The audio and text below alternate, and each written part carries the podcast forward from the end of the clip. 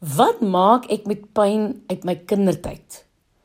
Nou kyk van die hartseerste verhale is die van kinders wat deur hulle ouers of familie verwerp, afgekraak of in die ergste geval gemolesteer is. Dit is sekerlik van die seerste seer waarmee 'n mens moet saamleef. In elke lewensfase wat jy betree, duik hierdie pyn weer op en moet jy dit weer van voor af verwerk. Nou ek het 'n jong man wat as tingerige skoolseun erg geboelie is, gevra hoe hy dit oorleef het. Ek onthou sê hy dat dit my jare gevat het om die verwerping te verwerk. Ek het woede gehad teen die skool, my maats, maar veral teenoor myself. Toe my pa met die boelie se pa gaan praat het, het dit my soos 'n pateet laat voel. En later, toe al die lafaarde vir my kom jammer sê, het ek skielik begin sien wie die eintlike patete was. Hy sê ek het besluit dat wat ander van my dink nie belangrik is nie.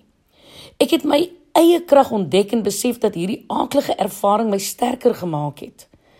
Dis 'n lewensles wat ek vandag nog gebruik. Ek aanvaar dat die meeste mense eintlik maar nes ek voorgee dat hulle sterk is en in beheer is, al is hulle vrek onseker van hulle self. Ek kan boelies in die koöperatiewe wêreld op 'n afstand uitken en vandag is ek vir geen mens bang nie, sê hy.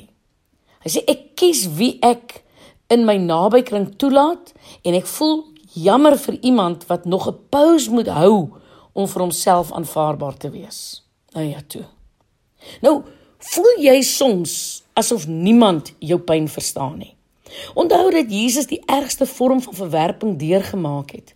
Dit was vir hom so erg dat hy aan die kruis uitgeroep het: "My God, my God, waarom het U my verlaat?" En al het God hom nooit verlaat nie, het dit op daardie oomblik vir hom so gevoel.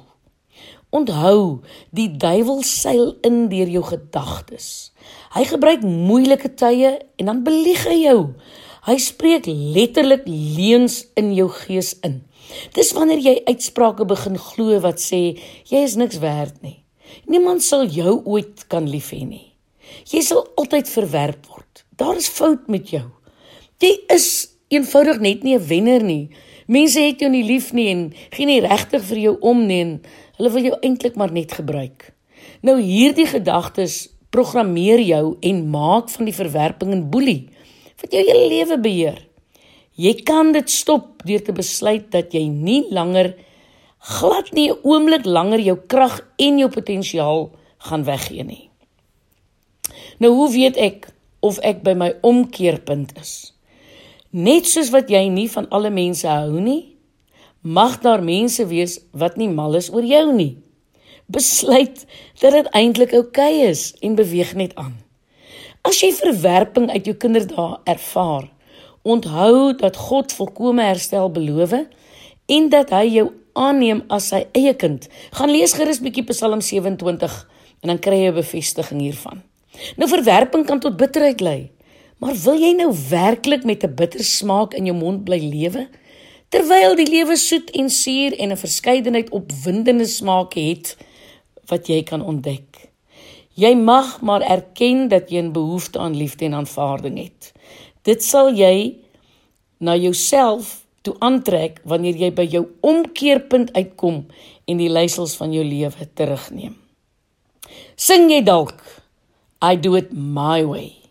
Nou een van die foute wat mense op die herstelpad maak, is om die roete te wil voorskryf. Probeer om nie die fout te maak nie. As jy jou eindpunt vir jouself uitgespel het, gaan jy daar uitkom, maar dit gebeur nie altyd presies soos wat jy dit voorgestel het nie. Dis soos Kaap toe ry. Jy weet jy wil daar uitkom, maar daar kan padverleggings wees en 'n ongeluk of twee wat 'n ompad en verstandige keuse sal maak. Moenie kleinserig wees nie. Gebruik die inligting as waardevolle terugvoer om jou koers aan te pas wanneer nodig. As jy in jou verlede seer gemaak is, kan die seerkry by jou stop. Jy het die voorreg om die naam van Jesus uit te spreek en te glo in die krag van God om jou heeltemal te genees en jou uit te bring by wie jy gemaak is om te wees.